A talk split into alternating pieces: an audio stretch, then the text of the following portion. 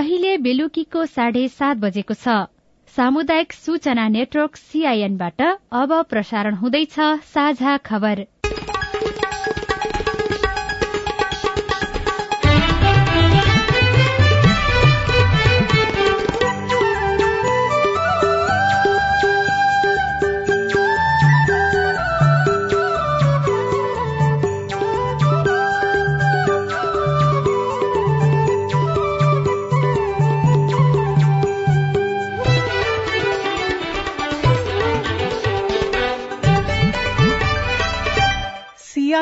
साझा खबरबाट स्नेहा कर्णको नमस्कार। साझा खबर देशभरिका सामुदायिक रेडियो सीआईएन खबर डट कम र मोबाइल एप सीआईएनमा पनि सुन्न सकिन्छ।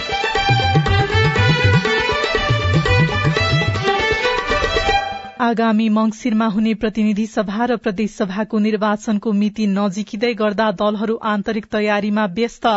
प्रधान न्यायाधीशमाथिको महाभियोग र नागरिकता विधेयकलाई चुनावी मुद्दा बनाइँदै राज्यका तीनवटै अंग काम गर्न नसक्ने अवस्थामा पुगेको भन्दै भोट माग्ने एमालेको रणनीति। राज्यका तीनै अंग डिफङ्क जस्तो अवस्थामा पुगेको छ। यो अवस्थामा के गर्ने? एउटा टुङ्गोमा पुर्याउने जनताले बाहेक अरू शक्ति छैन। मोबाइल फोनमा एमडीएमएस प्रणाली लागू राष्ट्रपति शैक्षिक सुधार कार्यक्रमका लागि तीन हजार भन्दा बढ़ी विद्यालय छनौट। आगामी निर्वाचनका लागि म्यादी प्रहरी भर्ना प्रक्रिया आजबाट शुरू पूर्व सुरक्षा कर्मीलाई प्राथमिकता। आवश्यक पर्ने संख्याको झन्डै सेभेन्टी पर्सेन्ट चाहिँ यस अगाडिका निर्वाचनमा सहभागी भएका म्यादी प्रहरी समेतले कभर गर्न सकेछन् भन्ने हाम्रो अनुमान छ। चालू आर्थिक वर्षको पहिलो महिनामै दोब्बरले मूल्य वृद्धि रेमिट्यान्स भित्रिने दर बढ़्यो। कोरोनाको कारण देखाउँदै बन्द भएको तातो पानी र रसुवागढ़ी नाका सञ्चालनमा आफ्नो दायित्वमा पर्ने कोरोना बीमा दावी रकम भुक्तानी गर्न सरकार तयार। बिमा समितिलाई एक अर्ब रुपियाँ चाहिँ निकासा दिने प्रक्रिया अर्थ मन्त्रालयमा शुरू भएको छ। अब यो रकम छिट्टै जान्छ। र पाकिस्तानमा बाढ़ीपछि डेंगीको जोखिम बढ़्यो। नवराष्ट्रिय खेलकुद अन्तर्गत पुरूष क्रिकेटको उपाधिका लागि नेपाल पुलिस र त्रिभुवन आर्मी बीच प्रतिस्पर्धा हुने।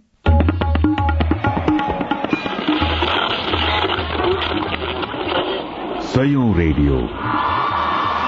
हजारौं रेडियो कर्मी र करोड़ौं नेपालीको माझमा यो हो सामुदायिक सूचना नेटवर्क सीआईएन स्वतन्त्रता समानता न्याय र लोकतन्त्र प्राप्तिका लागि लड्दा लड्दै मारिएको व्यक्तिप्रति सम्मान गर्दै उसका परिवारको जिम्मा राज्यले लिन्छ। तर नेपालमा आन्दोलनहरू विवादित भएको र सबै पक्षले स्वीकार नगरेकाले माओवादी द्वन्द पीड़ितहरूले अहिलेसम्म न्याय पाउन सकेका छैनन्। द्वन्द टुंगेको उन्नाइस वर्ष बित्दा पनि न्याय नपाउनुले अन्तर्राष्ट्रिय जगतमा गलत सन्देश दिने भएको हुँदा दलहरू अनि सरकार गम्भीर हुनुपर्दछ। अब खबर अविनाश आचार्यबाट। प्रतिनिधि सभा र प्रदेश सभाको निर्वाचनको मिति नजिकिँदै गर्दा दलहरू आन्तरिक तयारीमा व्यस्त भएका छन्। निर्वाचनमा पहिलो बन्ने उद्देश्यका साथ दलहरू घोषणा पत्र लेखनदेखि सीट बाँडफाँडको कसरतमा छन्। यसै क्रममा नेकपा एमाले संक्रमणकालीन न्याय सम्बन्धी विधेयक पारित गर्ने प्रक्रिया अनिश्चित भएको विषयलाई चुनावको नारा बनाउने भएको छ। विधेयकका बारेमा सरकारमा रहेका कांग्रेस र माओवादी केन्द्र अनि एमाले बीच सहमति जुट्न सकेको छैन। मंगिर चारको चुनावका लागि नागरिक समक्ष कसरी जाने भन्ने बारेमा आन्तरिक तयारी गरिरहेको एमाले पार्टी विभाजनमा सर्वोच्चको फैसला संसद र सभामुखको भूमिका प्रधान न्यायाधीशको महाअभियोग प्रस्ताव लगायत विषय उठाउने तयारी गरेको हो। सीआईएनसँगको कुराकानीमा एमाले संसदीय दलका उपनेता सुभाष चन्द्र नेवाङले जनतासँग जोडिएको थुप्रै विषय सम्बोधन नभएका कारण आफूहरूलाई सजिलो भएको टिप्पणी गर्नुभयो। अहिले पछिल्लो समयलाई छोडेर अलिक अगाडिको कुरा गर्दा स्वयं न्यायपालिका डिफङ्क्ट जस्तो अवस्थामा छ। तिनै राज्यका तिनै अंग डिफङ्क्ट जस्तो अवस्थामा पुगेको छ। यो अवस्थामा के गर्ने? एउटा टुङ्गोमा पुर्याउने जनताले बाहेक अरू शक्ति छैन। एमाले जुन एजेण्डा विषयवस्तु लिएर जनतासम्म पुग्ने विचार गरिराखेको थियो त्यो एजेण्डाहरू त सरकारले सबै सामसुम पारिदियो होइन। तपाईँहरूले कसरी के भनेर भाषण गर्ने अब? त्यसको चिन्ता नगर्नुहोस्। चिन्ता के गर्नुहोस् भन्दा कतै साथीभाइहरू आत्तिएर फेरि मङ्सिर चार गतिको चुनाव पो सार्छन् कि? सार्न नदिने तर्फ यहाँहरू सतर्क भइदिनुहोस्। अहिले चाहिँ सार्ने तयारी अथवा त्यस्तो चलखेल सुरु भएको यहाँहरूले त्यस्तो थाहा पाउनु भयो? एउटा कुरा त थाहा छ नि त। यो निर्वाचन त तपाईँ हाम्रो धेरै ठुलो जोडले न सरकारले घोषणा गरेको हो। त्यसको राम्रो त विवाद भएन नि। त्यसैले इच्छा गरेर त घोषणा गरेको होइन नि। म त्यसतर्फ इङ्गित गर्दैछु। तपाईँले औल्याउनु भयो नि। सामसुम भयो समस्याहरू होइन। फिटिकै केही पनि भएको छैन। हामीसँग मुद्दाका चाङ छन्। त्यसमध्येमा एउटा पनि एड्रेस भएको छैन। हामी मङ्सिर चार गते जान्छौं।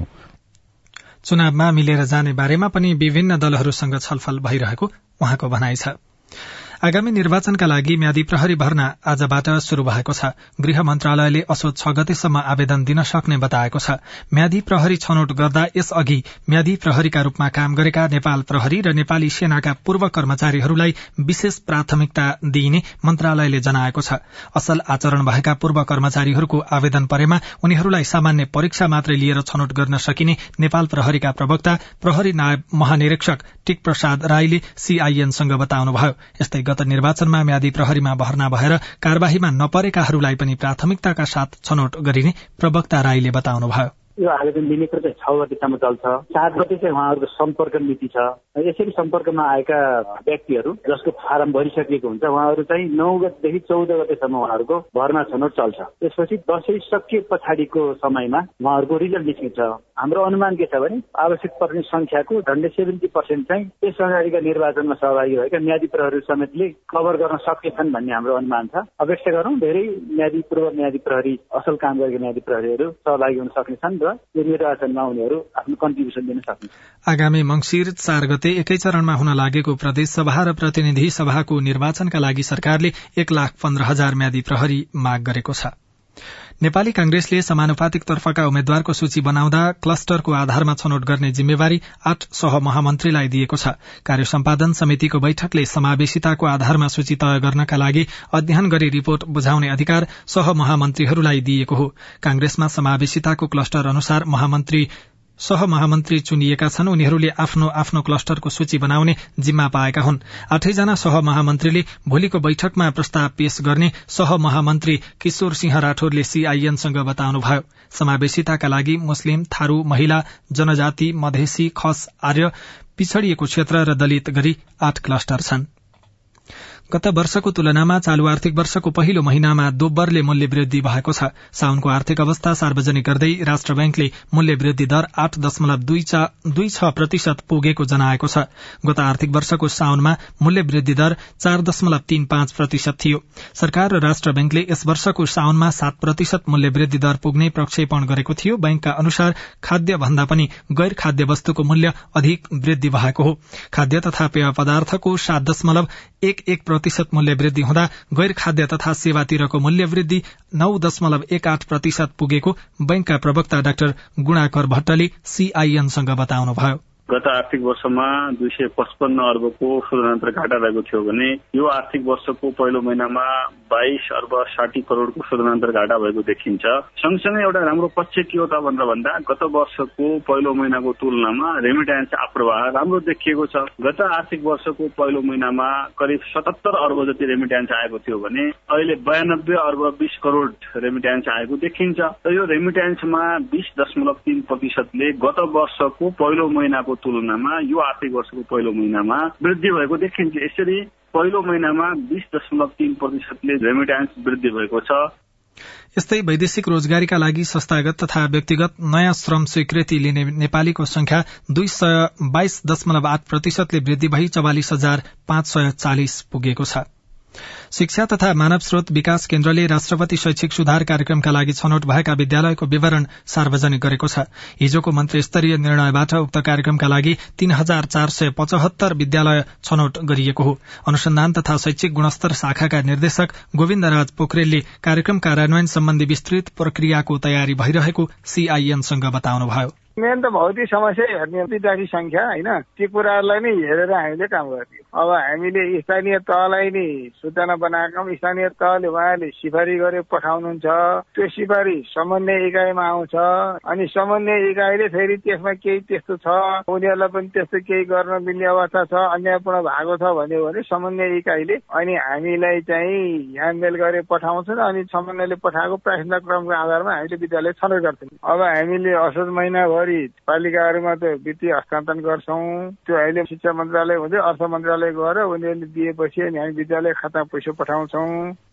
सरकारले आफ्नो दायित्वमा पर्ने कोरोना बीमा दावी रकम भुक्तानी गर्न प्रक्रिया अघि बढ़ाएको छ। साढे दश अर्ब भन्दा धेरै रकम भुक्तानी गर्नुपर्ने भए पनि तत्कालका लागि एक अर्ब रूपियाँ मात्रै निकासाको लागि प्रक्रिया अगाडि बढ़ाएको अर्थ मन्त्रालयले जनाएको छ। सीआईएनसँग कुराकानी गर्दै मन्त्रालयका प्रवक्ता आनन्द काफ्लेले दशैं अघि नै रकम दिने गरी प्रक्रिया अगाडि बढ़ाइएको जानकारी दिनुभयो। मन्त्री परिषदले चाहिँ भर्खरै बिमा समितिलाई कोरोना रकमको कोरोना बिमा बापतको रकम भुक्तानी गर्ने सन्दर्भमा एक अरब रुपियाँ चाहिँ निकासा दिने भन्ने निर्णय भएको छ। सो अनुसार चाहिँ बिमा समितिलाई एक अर्ब रुपियाँ चाहिँ निकासा दिने प्रक्रिया अर्थ मन्त्रालयमा शुरू भएको छ। अब यो रकम छिट्टै जान्छ। मन्त्रालयले बीमा समितिलाई रकम निकासा गर्नेछ त्यसपछि समिति मार्फत बीमा कम्पनी हुँदै बीमितले रकम पाउनेछन्। सीआईएनसँग कुरा गर्दै बीमा समितिका अध्यक्ष सूर्य प्रसाद सिलवालले अहिलेलाई सरकारले आफ्नो दायित्व बोध गर्नु नै ठूलो कुरा भएको भन्दै रकम प्राप्त हुन साथ बीमितहरूलाई दिन शुरू गरिने बताउनुभयो। पचास पचपन्न साठी पर्सेन्ट पैसा सरकारले दिनुपर्छ। बाँकी रहेको पैसा हाम्रा कम्पनीहरू नेपाल पुनर्बिमा कम्पनी र बिमा समितिले पनि अलिकति पैसा राखेर यो हामीले चाहिँ दायित्व फरफारा गर्नुपर्ने हुन्छ भोलिका दिनमा। तर यो सुरुवात भयो एक अर्बबाट सुरुवात भयो फेरि भोलि अर्को एक अर्ब दुई अर्ब रुपियाँ होला त्यसमा पनि थप थाप गरेर चाहिँ अगाडि बढ्ने हो जस्तो मलाई लाग्छ। लिन बाँकी त थुप्रै छन्। दिन चाहिँ कसरी आधार छुट्याउनु फर्स्ट इन फर्स्ट जसको पहिलो हो त्यसलाई पहिले जान्छ। नेपालमा कोरोनाले महामारीको रूप लिनुभन्दा अघि नै बीसवटा बीमा कम्पनीहरूले प्रति व्यक्ति छ सय रूपियाँ प्रिमियम तिरेर एक लाख रूपियाँको बीमा गराएका थिए तर बीमा गराएका एक लाख बैसठी हजार तीन सय छयालिस जनाले संक्रमण पुष्टि भएपछि रकम दावी गर्दा कम्पनीहरूले सरकारको पनि दायित्व लिनुपर्ने भन्दै पचास हजार चार सय सत्तालिस जनाको मात्रै दावी भुक्तानी गरेको थियो। एक लाख एघार हजार आठ सय उनान्सय जनाको भने भुक्तानी हुन बाँकी छ। साझा खबरमा अब विदेशको खबर। पाकिस्तानमा बाढ़ीको प्रकोप बढ़ेपछि बाढ़ीको प्रकोपपछि डेंगीको जोखिम बढ़ेको छ। यससँगै स्वास्थ्य संकट उत्पन्न हुन सक्ने जोखिम बढ़ेको पाकिस्तानको स्वास्थ्य मन्त्रालयले जनाएको छ। बाढ़ीका कारण तीस लाख मानिस प्रभावित भएका छन् भने हालसम्म एक हजार पाँच सय जनाको मृत्यु भइसकेको छ। यसैबीच स्वास्थ्य मन्त्रालयले बाढ़ीपछि विभिन्न क्षेत्रमा डेंगी मलेरिया र पेटको संक्रमण बढ़ेको बताएको छ। र एउटा खेल खबरमा नौ राष्ट्रिय खेलकुद अन्तर्गत पुरूष क्रिकेटको फाइनल खेलमा नेपाल पुलिस र त्रिभुवन आर्मी क्लब बीच प्रतिस्पर्धा हुने भएको छ। समूह चरणको उत्कृष्ट नतिजाका आधारमा फाइनल पुगेको आर्मी र सेमी फाइनलमा एनआरएन स्पोर्ट्स एकाडेमीलाई हराएको पुलिस बीच उपाधिका लागि प्रतिस्पर्धा हुने भएको हो। टीयू क्रिकेट मैदानमा आजका लागि तय भएको सुदूरपश्चिमसँगको सेमी फाइनल खेल रद्द भएपछि आर्मी फाइनल प्रवेश गरेको हो। पुलिस भने एनआरएन स्पोर्ट्स एकाडेमीलाई तेह्र रनले पराजित गर्दै उपाधि नजिक पुगेको हो। अविनाश आचार्य।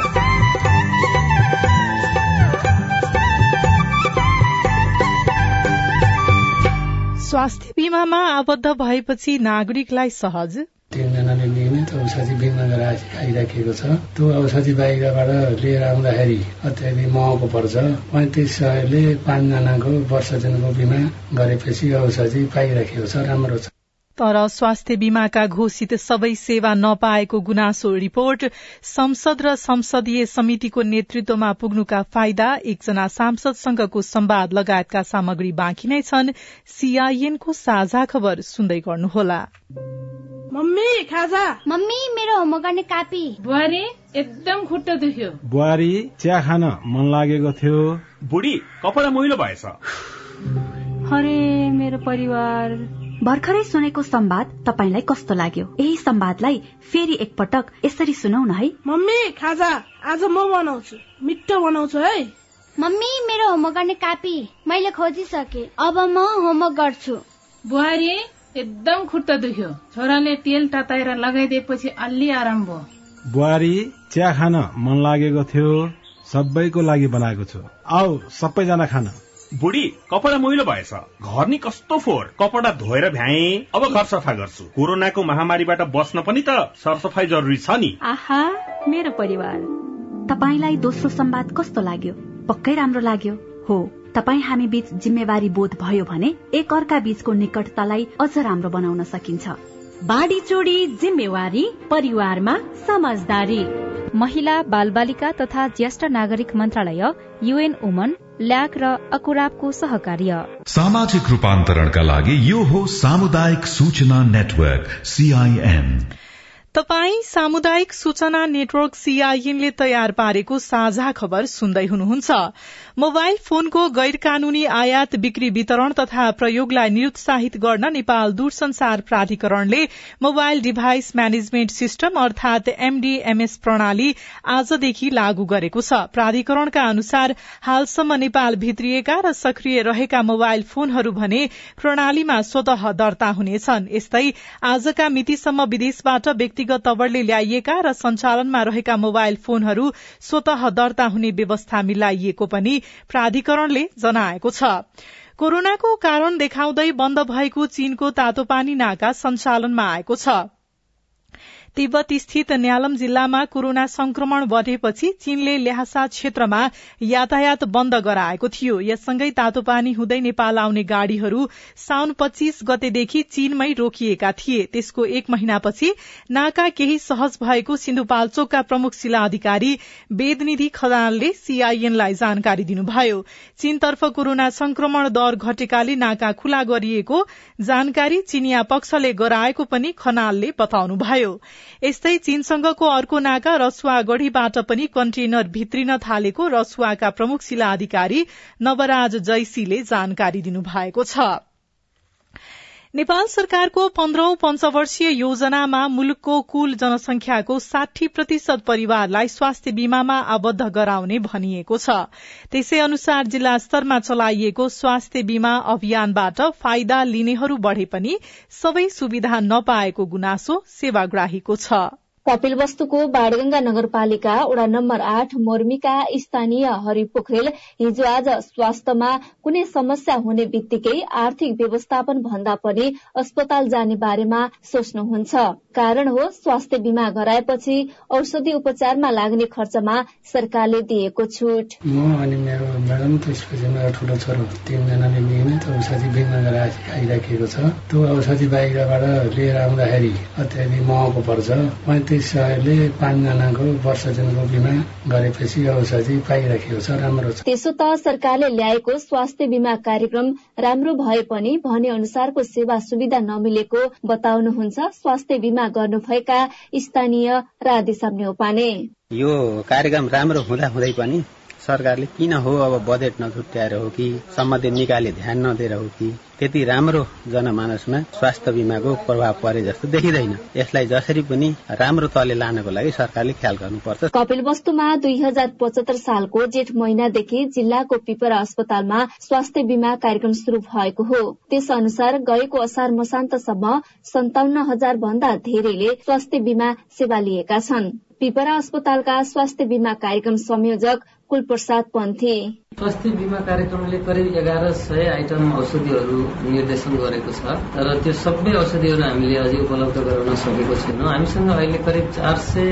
आइटम मात्रै औषधिहरू छ। स्वास्थ्य बिमा सेवा लिनेको संख्या बढ़ेको भए पनि कर्मचारी अभावका कारण स्वास्थ्य संस्थाले माग अनुसारको सेवा दिन नसक्ने अवस्था छ। पुनः संयोजक पन्थे। स्वास्थ्य बिमाको लागि बाणगंगा नगरपालिकाको सबै वडा त हुँदै भयो। साथसाथै पूर्वतिर कञ्चन गाउँपालिकाको केही क्षेत्रबाट उहाँहरूले प्रथम बिन्दु तोक्नु भएको छ उहाँबाट पनि आउनुहुन्छ। त्यसै गरी बुद्ध भूमि अनि शीत गंगा कपिलवस्तु नगरपालिका लगायतका गाउँपालिका र नगरपालिकाबाट प्रशस्त बिरामीहरू आउने गर्नुहुन्छ।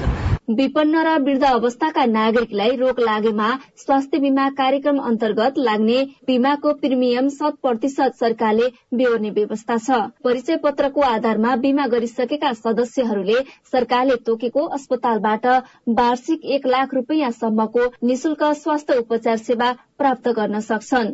भगवती नेौपाने सीआईएन रेडियोको आवाज कपिल वस्तु। साझा खबरमा अब हेलो सीआईएन सजना तिमल सिन्हाबाट। नमस्कार मेरो नाम अशोक कोर म सुदूरपश्चिम प्रदेशको महेन्द्रनगरबाट बोलिरहेको छु। बाह्र क्लासको परीक्षामा म्यानेजमेन्टको विद्यार्थीका विषयहरूमा साइन्सको विषयहरू भइरहेछ। यसलाई कसरी समाधान गर्न सकिन्छ? तपाईँको समस्या समाधानको उपाय के हुन सक्ला? हामीले राष्ट्रिय परीक्षा बोर्ड अन्तर्गत कक्षा बाह्रका उपनियन्त्रक कृष्ण घिमिरेलाई सोधेका छौँ। सबभन्दा पहिला धनगढी कार्यालयमा जानु पर्यो मेरो तिन चार विषयमा म्यानेजमेन्टको ठाउँमा साइन्स पर्यो भनेर निवेदन दिनु पर्यो सँगसँगै म्यानेजमेन्टका चारवटा विषयको जाँच दिएको हो भने त्यसको प्र्याक्टिकल मार्क्स हामीलाई चाहिन्छ। त्यो मार्क्स सँगसँगै स्कुल मार्क्स लिएर आएर धनगढी कार्यालयमा बुझाउनु भयो भने धनगढी कार्यालय फरवर्ड गर्छ। यहाँ सिधै आएर पनि त्यो काम हुँदैन। किनभने उहाँले यहाँ आएर त थ्योरीको मात्रै मार्क्स पाउने हो। थ्योरी मार्क्स दिनलाई प्र्याक्टिकल बिना अहिले थ्योरी मार्क्स दिनु मिल्दैन। पहिला थ्योरी मार्क्स हाल्नु पहिला प्र्याक्टिकल मार्क्स हामीलाई चाहिन्छ। त्यसले पहिला काम भनेको स्कुलबाट मार्क्स लिएर आउनु पर्यो। प्र्याक्टिकल मार्क्स हो कि होइन? जहाँ दिएको हो कि होइन? यदि विद्यालयले यो सहभागी भएको छैन मार्क्स छैन भने उहाँले अब थ्योरीको जहाँ दिएको त्यसको अर्थ चाहिँ त्यो क्यान्सल हुन्छ। नमस्कार म जीवन लामगाले बागलुङको गलकोटबाट। कक्षा बाह्रको नतिजामा एनजी आएको विषयलाई पुनर्योग गराउँदा परिणाम निस्कन बिसदेखि एक महिना लाग्ने एनइबी राष्ट्रिय परीक्षा बोर्डले जनाएको छ। जबकि ग्रेड वृद्धिको परीक्षा नै एक महिनामा हुँदैछ। अब पुनर्योग गराउनुको के फाइदा हुने होला? तपाईँको प्रश्न पनि हामीले घिमिरेलाई नै सुनाएका छौं। रिटोटलमा फर्म भर्ने बित्तिकै स्वत चेन्ज हुन्छ भनेर जुन मानसिकता राखेर फर्म भरिन्छ त्यो सबभन्दा ठुलो त्यसैमा समस्या पर्न सक्छ। रिटोटल भनेको चेन्ज चाहिँ कन्फर्म हुन्छ भनेर ग्यारेन्टी गर्न सक्ने अवस्था होइन। यस्तो अवस्थामा उहाँले एक वर्ष नगुमाउनुको लागि फर्म त भर्नुपर्ने हुन्छ। त्यही पनि सात गतेसम्म सिङ्गल चौध गते डबल त्यो बेलासम्म हामी प्रयास गर्छौँ। रिटोटमा चेन्ज हुन्छ भने ढुक्कबाट बस्ने अवस्था छ। होइन भने फारमै भरिदिनु भन्नु चाहिँ अप्ठ्यारो हुन्छ। पछाडि उहाँलाई आफैलाई घाटा हुन्छ। म सञ्जय शाह दुधोली नगरपालिका नौबाट। मेरो समस्या नागरिकता बारेमा रहेछ। मेरो ससुरा लहानको सिंहेश्वर शाह तेलीको नागरिकता जन्मसिद्ध रहेको हो। उहाँको निधन भइसक्नु भयो र उहाँको श्रीमतीको नाममा वंशज रहेको छ। तर कसरी बनाउने हो उहाँको छोरीको विवाह? गरी सिन्धुली जिल्ला दुधोली नगरपालिका नौबाट नागरिकता बनाउन सकिरहेको छैनौं। जिज्ञासा मेटाउँदै हुनुहुन्छ सिराहाका प्रमुख जिल्ला अधिकारी लालबाबु कवारी। त्यो जन्मको आधारमा नागरिकता भनेपछि त्रिसठी सालको लिएको हुनुपर्छ उहाँले। र उहाँको श्रीमतीको वंशजको भन्नुभयो कुमारी नागरिकता होला। त्यो भइसकेपछि अब वंशज कायम गर्नको लागि त उयो बुवा र आमाको वंशज भएको हिसाबले लिने हो। अब त्यो उहाँको जन्मको आधारलाई त रोकिरहेको छ। इन अब प्रमाणीकरण भएर आशा पनि सहज हुन्छ उहाँलाई। तर अहिलेको प्रावधानमा चाहिँ अलिक गाह्रो छ। तपाई जुनसुकै बेला हाम्रो आइपीआर नम्बर शून्य एक बान्न साठी छ चार छमा फोन गरेर आफ्नो प्रश्न जिज्ञासा गुनासा अनि समस्या रेकर्ड गर्न सक्नुहुनेछ। तपाई सामुदायिक सूचना नेटवर्क सीआईएनले काठमाण्डुमा तयार पारेको साझा खबर सुन्दै हुनुहुन्छ। साझा खबर मोबाइल एप नेपाली पात्रोबाट पनि सुनिरहनु भएको छ। संसद र संसदीय समितिको नेतृत्वमा पुग्नुको फाइदा केही मेरो चाहिँ क्षमता विकासको कुरा पनि भयो। जस्तै उदाहरणको लागि। जस्तै अब मैले अब विभिन्न ठाउँमा चाहिँ अब कानून निर्माण प्रक्रियाको बारेमा बुझ्ने अवसर प्राप्ति गरे जतिको अपेक्षा थियो त्यतिको काम चाहिँ भएन। एकजना सांसदको पाँच वर्षको अनुभव सहितको संवाद श्रृंखला हेलो सांसद बाँकी नै छ सीआईएनको साझा खबर सुन्दै गर्नुहोला।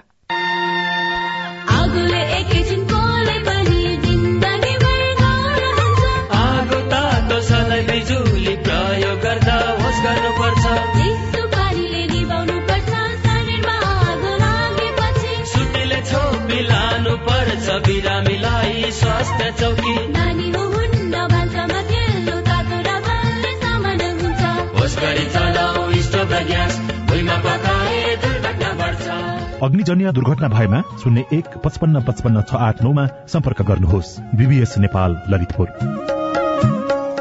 सामाजिक रूपान्तरणका लागि यो हो सामुदायिक सूचना नेटवर्क सीआईएन तपाई सामुदायिक सूचना नेटवर्क सीआईएनले काठमाण्डुमा तयार पारेको साझा खबर सुन्दै हुनुहुन्छ। अब प्रस्तुत छ संवाद श्रृंखला हेलो सांसद। नमस्कार हेलो सांसदमा तपाईँलाई हार्दिक स्वागत छ। म लील प्रकाश चन्द। आजको हेलो सांसदको अङ्कमा हामीसँग कर्णाली प्रदेशका सांसद दानसिंह परियारजी हुनुहुन्छ। यहाँलाई हार्दिक स्वागत छ मानिछु धन्यवाद। कार्यकाल सकिन सकिने लागेको बेलामा हाम्रो भेट भयो। कस्तो रह्यो समग्र पाँच वर्ष? निकै चुनौतीपूर्ण परिस्थितिमा चाहिँ कडाली प्रदेशको एउटा संसदमा चाहिँ मुगु जिल्लाबाट एउटा चाहिँ ठूलो अपेक्षा सहित चाहिँ म कडाली प्रदेशको चाहिँ संसदमा प्रतिनिधित्व गरेको थिएँ। मेरो कार्यकालमा चारवटा चुनौती भयो। पहिलो कुरा त संहिताको पहिलोचोटि अभ्यास भयो। त्यहाँ हामीसँग कानून पनि थिएन कर्मचारीहरू पनि थिएनन्। दोस्रो चुनौती फेरि के भयो मुगु जिल्लाबाट प्रतिनिधित्व गर्ने हामी दुईजना सांसदहरू थियौँ हामी सरकारमा चाहिँ प्रतिनिधित्व गर्न सकेनौँ। जब सरकारमा प्रतिनिधित्व गर्न नसक्ने बित्तिकै राज्यको स्रोत साधनमा चाहिँ मुगुलाई फेरि हेर्ने दृष्टिकोण फेरि पार्टीभित्र चाहिँ हामीले दोस्रो अन्तर संघर्ष गर्नुपर्ने स्थिति बन्यो। एउटा सांसद सरकारमा जानु र नजानुले खास के अर्थ राख्छ? ठूलो अर्थ राख्दो रहेछ पार्टी सरकारमा गए पनि त्यसमा चलखेल गर्न पाइँदैन यस्तो रहेछ पार्टी सरकारमा गए पनि बजेट बनाउने प्रक्रिया योजना छनौटको प्रक्रिया र त्यसको कार्यान्वयन प्रक्रियामा चाहिँ अहिलेसम्म चाहिँ संहिताको हामीले पहिलोचोटि अभ्यास गरेर त्यसको ठोस कुनै मापदण्ड छैन। कुनै क्षेत्रमा चाहिँ करोडौँ रुपियाँ चाहिँ विनियोजन गरेको छ एउटै शीर्षकमा कुनै क्षेत्रमा एउटा पनि पैसा छैन। यसको अर्थ समान वितरण गर्नुपर्छ स्रोतहरूको भन्ने त्यस्तो मनस्थिति नहुँदो रहेछ। होइन। परिस्थिति के भयो भने तपाईँ चाहिँ जो सत्तामा छ सत्ताको दुरुपयोग। अहिले चाहिँ कर्णालीमा भएको मात्र नै देशैभरि भएको यो आफ्नो निर्वाचन क्षेत्रमा मात्र फोकस गर्ने। नजिकका मान्छेहरूलाई मात्र प्राथमिकता दिने। तर हामीले चाहिँ बजेट बनाउँदा के गर्नुपर्छ भने सबैभन्दा पछाडि परेको सूचक के हो त? ल कर्णालीमा शिक्षाको विकास गर्ने हो भने सबैभन्दा चाहिँ त्यो त्यो सूचकमा तल परेको जिल्ला कहाँ हो त? त्यसलाई पनि प्राथमिकता गर्नु पर्यो नि। जो मन्त्री भएको छ उसको स्कुलमा चाहिँ बिसवटा स्कुल हालेको छ कुनैमा एउटा स्कुल हालेको छैन। विकास निर्माण लगायतका विषयवस्तुसँग चाहिँ कतिको जोड्न सफल हुनुभयो? तपाईँ मुगुलाई कर्णालीसँग अथवा मुगुलाई संघीय राजधानी काठमाडौँसँग? जतिको अपेक्षा थियो त्यतिको काम चाहिँ भएन। मैले जनतालाई यो कुरा उत्तर दिनै पर्छ। त्यसपछि आएर तपाईँ चाहिँ भौगोलिक हिसाबले पनि चाहिँ नजिक टाढाको कुरा भयो। बजेट वितरणको चाहिँ ठोस चाहिँ एउटा कार्ययोजना हामीले बनाउन सकेनौँ। त्यसो भए के अन्याय त मुगुलाई भयो? सोचे जतिको काम नभए पनि के आधारहरू चाहिँ निर्माण भएको छ? केही केही बुदाहरू तपाईँ भन्न सक्नुहुन्छ कि म- मुगुबाट सांसदको रूपमा निर्वाचित भइसकेपछि पाँच वर्ष सकिँदै गर्दाखेरि यो यो काम म नभएको भए चाहिँ हुने थिएन। संसदमा प्रतिनिधित्व गरिरहँदा कर्णालीमा चाहिँ हामीले केही कुराहरू सड़कको चाहिँ केही कुराहरू चाहिँ उठान गरेको चाहिँ देखिन्छ। मेरो निर्वाचन क्षेत्रमा अहिले तपाईँ चाहिँ तीनवटा सड़कमा चाहिँ रोवा सड़क रुगा सड़क र तपाईँ चाहिँ पिना गम्बडी बालै सड़कमा मेरो ठूलो पहलमा चाहिँ तीनवटा सड़कमा चाहिँ करिब तेत्तिस करोड रुपियाँ चाहिँ बजेट विनियोजन भयो। साबिकको चाहिँ तीनटा चाहिँ गाउँ गाविसको चाहिँ मान्छेहरू सहजै तरिकाले चाहिँ सदरमुकाम आउने स्थिति बनेको छ। सरकारको बजेट जानमा पनि तपाईँले ठुलो। मैले? संसदमा बाह्रम्बार चाहिँ यो कुरा उठाइसकेपछि राराको कुरा सड़कको तीनवटा सड़कको कुरा त्यसपछि आएर खरानको आवासीय विद्यालयको कुरा त्यसपछि आएर विशेष गरेर तपाईँ चाहिँ यो छायानतको चाहिँ पर्यटन पूर्वाधारको विकास अहिले गम्मरीबाट चाहिँ तपाईँ छाना जानको निमित्त पनि एउटा हेलिप्याडसम्म पनि हामीले त्यो निर्माण गरेका छौँ। छाना जाने बाटो पनि तपाईँ चाहिँ गत वर्ष हामीले केही बजेट विनियोजन गरेर त्यो पनि बजेट बनायो। केही संरचनामा राज्यको केही लगानी भयो? होइन त्यसले चाहिँ केही शिक्षा स्वास्थ्यका केही बिल्डिङहरू पनि बनाएका छन् भवनहरू पनि बनाएका छन् प्रदेश सरकारबाट चाहिँ केही डाक्टरहरूको कुरा केही शिक्षकहरूको व्यवस्था पनि भएको छ। तर मलाई लागिराखेको कुरा के हो भने वास्तविक फोकस गर्नुपर्ने कुरा अथवा चाहिँ जहाँ इन्भेस्ट गर्नुपर्ने कुरा हो थोर थोरै चाहिँ केही केही क्षेत्रमा चाहिँ गर्न खोजियो जस्तो देखिन्छ। तर समग्रमा चाहिँ कर्णालीमा यो क्षेत्र लगानी गर्दा त्यहाँको पर्यटनको पनि त्यतिकै सम्भावना छ जडबुडीको पनि त्यतिकै सम्भावना छ। कर्णाली साबिकको कर्णाली भने त पानी मात्र बिक्री गरे पनि हिमालयन मिनरल वाटर भनेर चाहिँ कर्णालीलाई मात्र विश्वलाई पानी बिक्री गर्न सक्ने क्षेत्र त कर्णाली छ नि। दलित सम्बन्धी विधेयक जो तपाईँको सक्रियताको कारणले आयो पारित नभए पनि यो भित्र चाहिँ के के छ त्यसबारेमा मलाई? लाग्छ हामीले शिक्षा स्वास्थ्य रोजगारी र जमिनको कुरालाई अलिकति त्यसमा हामीले प्राथमिकता दिएका छौँ। दलित समुदायको प्रतिनिधित्वको कुरालाई र तपाईँको चाहिँ सहभागिताको कुरालाई र अलिकति अवसरको कुरालाई हामी त्यहाँ चाहिँ फोकस गरेका छौँ। अब तपाईँ मानौ दलित समुदायको तर्फबाट प्रतिनिधित्व गर्दै हुनुहुन्छ भने समग्र दलित समुदायका नागरिकहरूमा आठ भरोसा अलि बढ्यो। के कारणले? त्यो किनभने मेरो चाहिँ सम्बन्धित ठाउँमा चाहिँ मेरो चाहिँ आवाज राख्ने मान्छे छ है। भन्ने किसिमको एउटा सकारात्मक चाहिँ प्रभाव चाहिँ पर्यो। या मलाई भोट दिएको मान्छे होस् या भोट नदिएको मान्छे होस्। त्यसको केही उदाहरणहरू तपाईँ धेरै उदाहरण। अब विभिन्न चाहिँ अब चाहिँ छुवाछुतको केसहरूको कुरा हेर्नुहोस् अब कार्यका चाहिँ कारण अब धेरै योजनाहरू अहिले त कार्यक्रमहरू चाहिँ उत्पीडित समुदायको मान्छेले प्राप्ति गरे अवसरविहीन मान्छेले प्राप्ति गरे र राज्यका चाहिँ योजना चाहिँ कार्यान्वयन गर्ने मान्छेहरूले पनि पछाडि परेका चाहिँ वर्ग समुदायले प्राथमिकता दिनुपर्छ है भन्ने किसिमको एउटा आक्रोश चाहिँ त्यो देखियो नि। त्यसो भए मलाई लागेको कुरा के हो भने के उपलब्धि त देखियो। तर त्यति उपलब्धिले मात्रै पूर्णता हुँदैन। एउटा सांसद हुनु र संसदीय समितिको सभापति हुनुमा कतिको अन्तर रहेछ? किनभने। तपाईँ कर्णाली प्रदेशमा विधान समितिको सभापति हुनुहुन्छ। अब समितिमा सभापति भएपछि मैले ठूलो अवसर प्राप्ति गरेँ मैले विभिन्न जिल्लाहरूमा सुविधा। पाउनुभयो गाडी घोडादेखि सुविधाको कुरा त अब त्यो सबैले प्राप्ति गरेको कुरा हो मैले मात्र प्राप्ति गरेको त छैन। तर रह्यो कुरा के छ म समितिको सभापति भइसकेपछि प्रत्यक्ष सभामुख उपसभामुखसँग विषय विज्ञहरूसँग त्यसपछि अन्य प्रदेशका चाहिँ अन्तर प्रदेश भिजिटर पनि हामीले गर्यौं तर कानूनी प्रक्रियामा मलाई त के लाग्छ भने हजुर संसदीय समितिको सभापति भएपछि के फाइदा भयो? केही मेरो चाहिँ क्षमता विकासको कुरा पनि भयो। जस्तै उदाहरणको लागि। जस्तै अब मैले अब विभिन्न ठाउँमा चाहिँ अब कानून निर्माण प्रक्रियाको बारेमा बुझ्ने अवसर प्राप्ति गरे। जनताको प्रत्यक्ष सहभागितामा चाहिँ कानून निर्माणमा यो हुँदो रहेछ है भन्ने कुरा प्रक्रिया बुझ्ने अवसर प्राप्ति गरे। दोस्रो कुरा चाहिँ तपाईँ चाहिँ विभिन्न चाहिँ विषय विज्ञहरूसँग पनि छलफल गर्ने अवसर प्राप्ति भयो। विभिन्न सांसदहरूको चाहिँ विषय विज्ञतालाई पनि तपाईँ चाहिँ मैले क्याच गर्न पाएँ। तर वास्तवमा नीति निर्माण गर्ने ठाउँमा अझै विधान समितिको सभापति हुँदा हरेक विधेयकहरू चाहिँ तपाईँ चाहिँ मेरो टेबलमा चाहिँ आउने र त्यसमा व्यापक छलफल गर्ने एउटा चाहिँ त्यसको नेतृत्व गर्ने ठाउँमा म आफै पनि भएको कारणले गर्दा त्यसमा चाहिँ प्रतिनिधित्वको कुरा सहभागिता कुरा लाई सासात गर्ने ठाउँमा चाहिँ मैले चाहिँ नेतृत्व गर्ने अवसर प्राप्त गराए हुनाले धेरै कुराहरू त्यसले चाहिँ सकारात्मक सन्देश नै विधान समितिको सभापतिको रूपमा तपाईँले मैले गरेका कारणले यो यो विधेयकहरू आउनको लागि अथवा सच्याउनको लागि नागरिक सहभागिता बढाउनको लागि सजिलो भयो भन्ने केही छ? होइन हामी त विधेयक चाहिँ मा छलफल गर्न हामी जिल्ला स्तरमा पनि गयौँ हामी। राय सल्लाह पनि लग्यौँ हामीले तपाईँ चाहिँ त्यसले गर्दा पनि प्रत्यक्ष जनताले चाहिँ तपाईँ यो कुराहरू हुनुपर्छ है। तपाईँहरू यो कुरा गर्नुहोस् भन्ने कुराहरू भयो त भने। त्यसले गर्दा पनि के देखियो भने जनताको चाहिँ प्रत्यक्ष सहभागिता भयो है। किनभने अब धेरै जसो विधेयकहरू चाहिँ संसदमै बसेर समितिमै बसेर छलफल गरे गरिएको अभ्यास छ अहिलेसम्म। धेरै ठाउँमा चाहिँ तपाईँ त्यस्तो सल्लाह सुझाव आयो कि जो कि एउटा विषय विज्ञले चाहिँ तपाईँ दिन नसक्ने सुझावहरू पनि दिए। जस्तै यो सहकारी विधेयकको बारेमा छलफल गर्दाखेरि धेरै मान्छेले तपाईँ चाहिँ यसमा यो कुराहरू हुनुपर्छ है। यसमा चाहिँ उत्पीडित समुदायको प्रतिनिधिको कुरा महिलाको प्रतिनिधिको कुरा अथवा चाहिँ त्यसमा चाहिँ स्रोत पुँजी व्यवस्थापनको कुरा यो गर्दा राम्रो हुन्छ। धेरै कुराहरू सानो सानो कुराहरू हजुरको। जो कल्पना पनि हामीले नगरेका कुराहरू पनि तपाईँ त्यसमा चाहिँ इन्डोर्स गर्ने स्थिति बन्यो संवाद श्रृंखला हेलो सांसदको विस्तृत कुराकानी भोलि बिहान साढे छ बजेको कार्यक्रम हेलो सांसदमा प्रसारण हुनेछ। सुन्ने प्रयास गर्नुहोला। नेकपा एमाले राज्यका तीनवटै अंग काम गर्न नसक्ने अवस्थामा पुगेको विषयलाई भोट माग्ने रणनीति बनाउने भएको छ। आगामी निर्वाचनका लागि म्यादी प्रहरी भर्ना प्रक्रिया आजबाट शुरू भएको छ। पूर्व सुरक्षाकर्मीलाई प्राथमिकता दिने सरकारले रणनीति लिएको छ।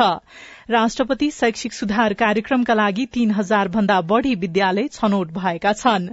चालू आर्थिक वर्षको पहिलो महिनामा रेमिट्यान्स भित्रिने दर बढ़ेको छ र पाकिस्तानमा बाढ़ीपछि डेंगीको जोखिम बढ़दै गएको छ। हवस् आजलाई साझा खबरको समय सकियो। प्राविधिक साथी सुरेन्द्र सिंहलाई धन्यवाद। भोलि भदौ एकतीस गते बिहान छ बजेको साझा खबरमा फेरि भेटौंला। अहिलेलाई स्नेहा कर्ण पनि विदा हुन्छु। नमस्कार शुभरात्री।